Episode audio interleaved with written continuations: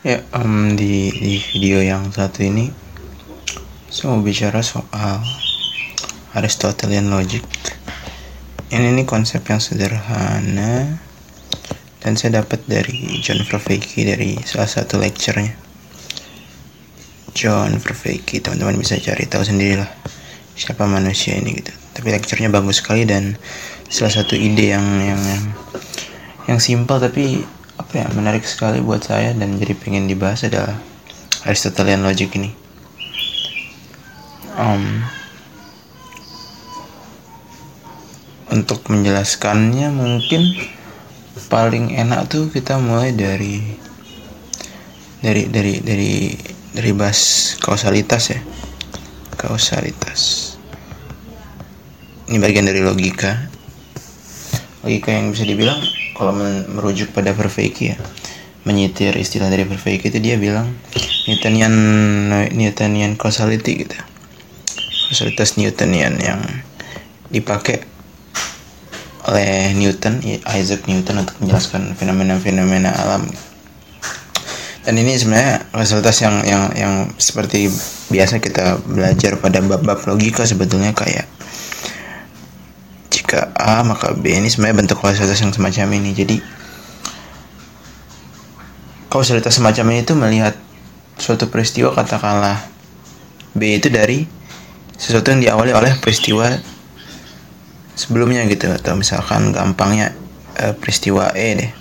Katakanlah A menyebabkan B B menyebabkan C C menyebabkan D gitu. Maka peristiwa D ini dilihat sebagai suatu bagian dari rantai kausalitas yang panjang gitu yang dimulai dari A gitu. Jadi kenapa D terjadi? Karena A terjadi gitu kan. Uh, dalam model yang lebih simpelnya bisa ditulis kayak gini kan. Jika A maka B maka C maka D maka bisa disimpulkan jika A maka D gitu. Atau um, kalau dalam contoh real misalkan um, saya gitu Hanif Hanif Hanif um, Hanif lapar karena Hanif lapar Hanif pergi ke warteg. Di warteg karena dia pergi ke warteg dia pesan makanan gitu kan? Pesan makan. Gitu jadi Hanif pesan makan itu terjadi karena satu rantai satu mata rantai kausalitas yang disebabkan oleh peristiwa-peristiwa lain di luar dia gitu kan. Hanif pesan makan terjadi karena hal-hal yang selain Hanif pesan makan yaitu dia pergi ke warung dan sebelum ke warung dia lapar gitu. Dan dan ini tuh sifatnya linear gitu kan. Linear dari A ke B ke C gitu. Ya sederhana logika yang kita pelajari lah. Tapi kemudian logika semacam ini dan ini yang baru sebenarnya saya pikir secara intuitif ya gue gue pikir kita tuh sebenarnya menyadari ini tapi um, Vervaeke itu membuat dia lebih eksplisit aja. Atau Aristotelian logic konsep Aristotelian logic ini membuat dia jadi lebih eksplisit. Maksudnya lebih eksplisit adalah bahwa uh, logika yang linear A ke B ke C ke D itu bisa dipakai untuk menjelaskan dunia tapi sebetulnya bukanlah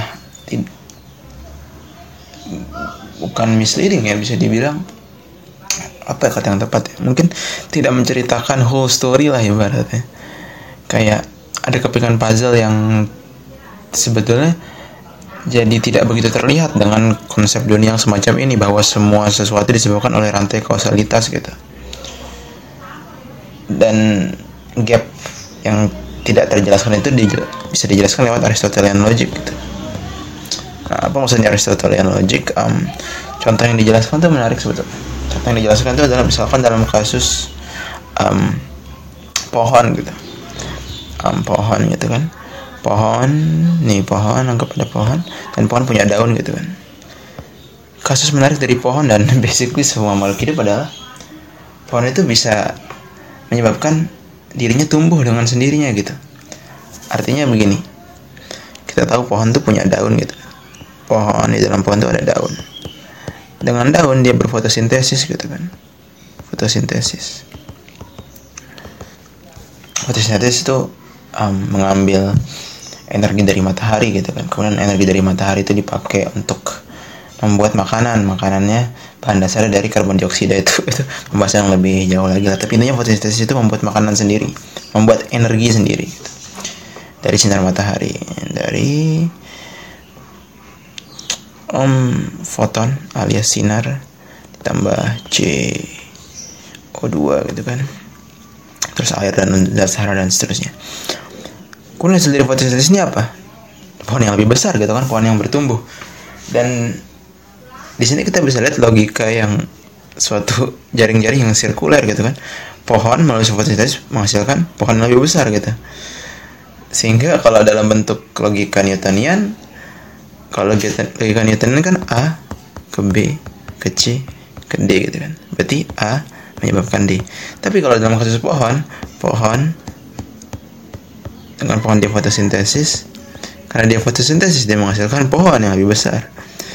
Berarti bisa disimpulkan pohon menyebabkan pohon ini kalau dalam logika Newtonian ya aneh gitu kan atau sirkular dan tapi sementara ini nyata gitu ya pohon menyebabkan pohon yang lebih besar lagi.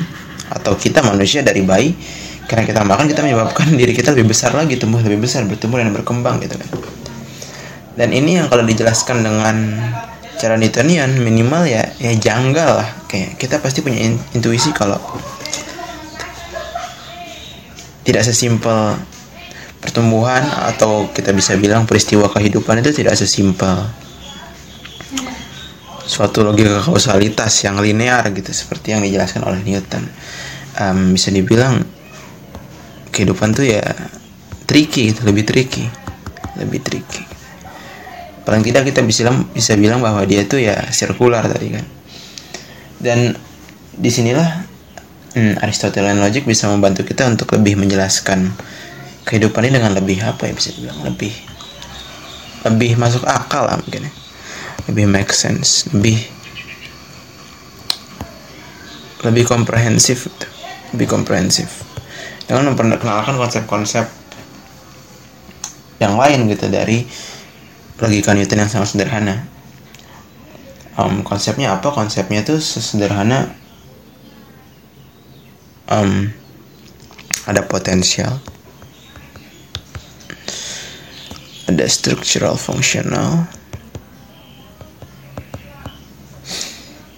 dan kemudian ada constraint atau filter gitu. Lagi-lagi gue tidak pernah um, saya tidak pernah membaca Aristotle sebetulnya secara langsung. Ini yang dijabarkan oleh Verveke dan Verveke itu bilang kalau ini dari Aristotle. Jadi teman-teman mungkin bisa cek lagi. Tapi tapi ide ini menarik sekali buat saya. Catchy lah. Sehingga saya jadi pengen jelasin tapi dengan kafiat itu ya bahwa bahwa ini sebetulnya tidak saya ambil langsung dari Aristotle tapi menyitir penjelasan dari Prof. Vicky aja. Tapi terlepas dari ini Aristoteles atau tidak saya pikir itu di luar bahasa lah. Yang penting adalah bahwa ide ini menarik gitu. Dan idenya adalah bahwa tadi ide awal Newton dan logic itu tidak bisa menjelaskan dengan dengan baik sebetulnya kehidupan itu apa. Karena tadi kalau dilihat secara Newtonian kehidupan tuh aneh sekali gitu. Gimana bisa pohon menghasilkan pohon itu sendiri gitu kan? Atau dalam konsep ini kan jika A maka A itu kan itu kan. Uh, aneh gitu. Maka sebetulnya dari situ kita bisa tahu bahwa ada sesuatu yang lebih nih dari dunia yang lebih dari sekedar sebab akibat yang sederhana gitu. Yang lebih dari sekedar alur logika yang sederhana ini dan yang lebih itu coba dijelaskan Aristoteles lewat beberapa konsep. Pertama soal konsep dari mana ya? Mungkin dari soal konsep constraint ya constraint. Begini konsep constraint itu maksudnya gini. Um, bayangkan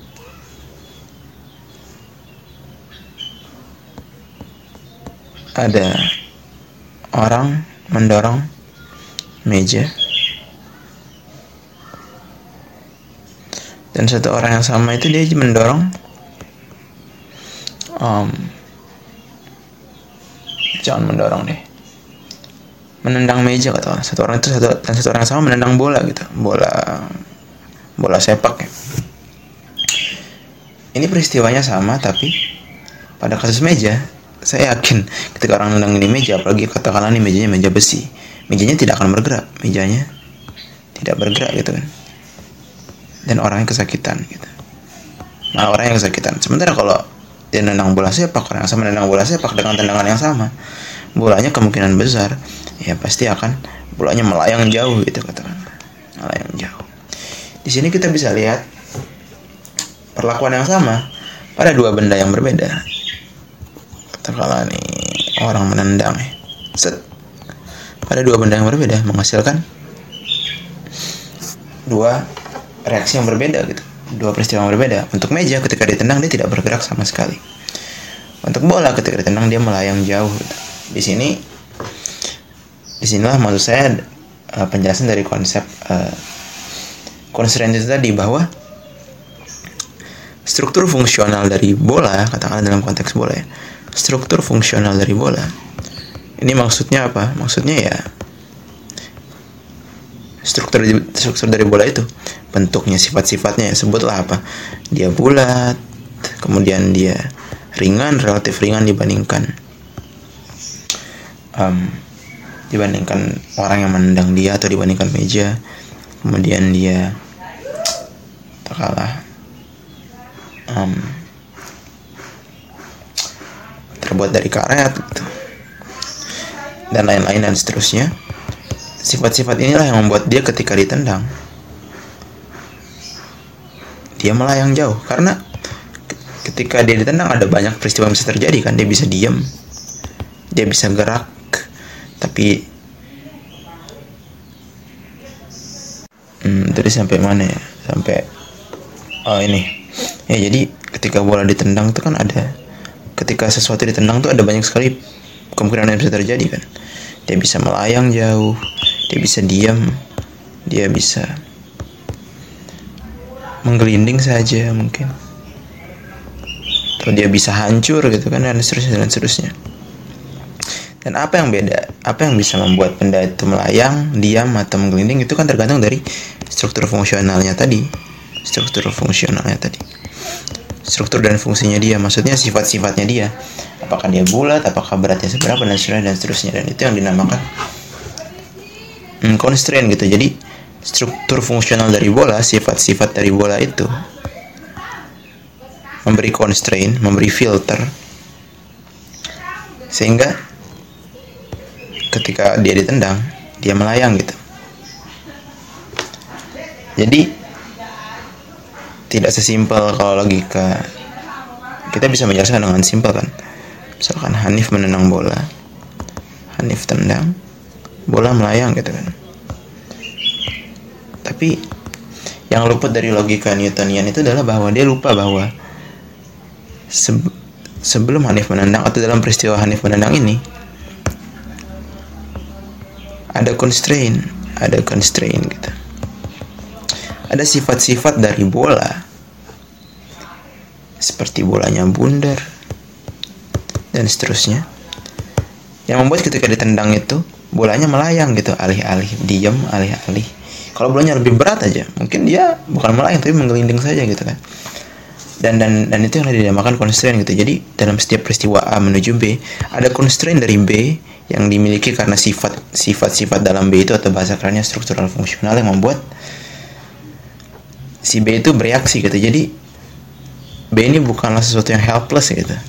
Dalam logika Aristotelian B ini tidak dilihat sebagai sesuatu yang helpless tapi sesuatu yang punya kuasa juga atas apa yang terjadi dalam dirinya dengan tadi dengan dia memberikan constraint dari struktur fungsionalnya dia itu. Dan dan dan balik ke pohon. Itu juga yang terjadi pada pohon gitu kan. Pohon fotosintesis dia pohon lagi. Pohon tapi yang lebih besar gitu kan pohon upgrade. Pohon fotosintesis kan pada dasarnya kena matahari kan basically cuma kena matahari aja. Kalau manusia cuma kena matahari ya paling kepanasan doang nggak kepanasan doang sih. Ya makan vitamin dan seterusnya tapi katakanlah kepanasan doang gitu kan. Tapi pohon karena struktur fungsional yang dia punya gitu karena bentuk selnya karena dia punya dinamakan di dalam sel gue lupa namanya apa ya pokoknya karena selnya ada dia punya sesuatu dalam selnya lah. Menyebabkan dia ketika kena sinar matahari dia bukan cuma kepanasan tapi dia juga menghasilkan energi memecah CO2 menjadi O2 gitu kan O2 dan C gitu. Dan itu dipakai dia untuk bertumbuh lebih besar lagi dan itu yang menyebabkan yang menjelaskan kenapa pohon bisa bertumbuh gitu kan. Kenapa pohon menjadi pohon lagi gitu karena tadi karena dia punya struktur fungsional yang berbeda yang membuat dia bisa bertumbuh gitu. Dan dan dan lagi-lagi ini logika yang lebih sophisticated dibandingkan lebih lebih sophisticated tapi lebih rumit dibandingkan logika Newton. Karena dalam peristiwa A ke B bukan cuma A ke B tapi ada struktur fungsional, ada um, ada constraint yang digerakkan oleh si B. Karena si B ini punya struktur fungsional atau sifat-sifat tertentu. Yang menyebabkan dia memfilter lah karena dalam ketika terjadi suatu peristiwa ada banyak potensi yang terjadi tapi dia dengan struktur fungsional memfilter dari semua potensi itu yang terjadi cuma potensi A saja gitu. Atau cuma potensi potensi potensi tertentu saja gitu karena tadi struktur fungsionalnya. Itu sih mungkin itu sehingga tadi logika Aristoteles ini bisa jauh lebih baik lebih komprehensif dalam menjelas dalam menjelaskan peristiwa pohon itu tadi. Jadi gambaran besarnya bukan cuma pohon fotosintesis terus jadi pohon gitu kan. Tapi di dalam diri pohon ini ada sesuatu yang membuat dia jadi bisa memanfaatkan fotosintesis atau sinar matahari itu. Sesuatu itu adalah bentuk selnya kah, dia punya daun kah dan seterusnya dan seterusnya gitu. Dan sehingga pohon ini ini lagi-lagi istilah dari Aristotle, pohon ini bisa mencapai potensinya gitu. Pohon ini bisa mencapai potensinya yaitu dari pohon yang kecil, bibit pohon dengan struktur fungsionalnya dia dia memanfaatkan variabel-variabel di sekitarnya dia dia bisa berubah menuju potensinya yang paling paripurna yaitu menjadi pohon besar gitu. Ini nih ini saya juga baru tahu ternyata adalah istilah-istilah Aristoteles. Istilah-istilah yang sebetulnya kita pakai sekarang gitu kan. Oh orang ini dia punya potensi nih. Dan seterusnya dan seterusnya. Itu sebenarnya istilah yang lahir dari pemikiran Aristoteles ribuan tahun yang lalu gitu. Gitu sih sebetulnya sederhananya. Tapi menurut saya jadi membuat kita bisa lebih berrefleks, berefleksi sebetulnya. Kayak filter apa sih yang udah kita bikin? Constraint apa sih yang udah kita bikin supaya kita bisa mencapai potensi kita gitu?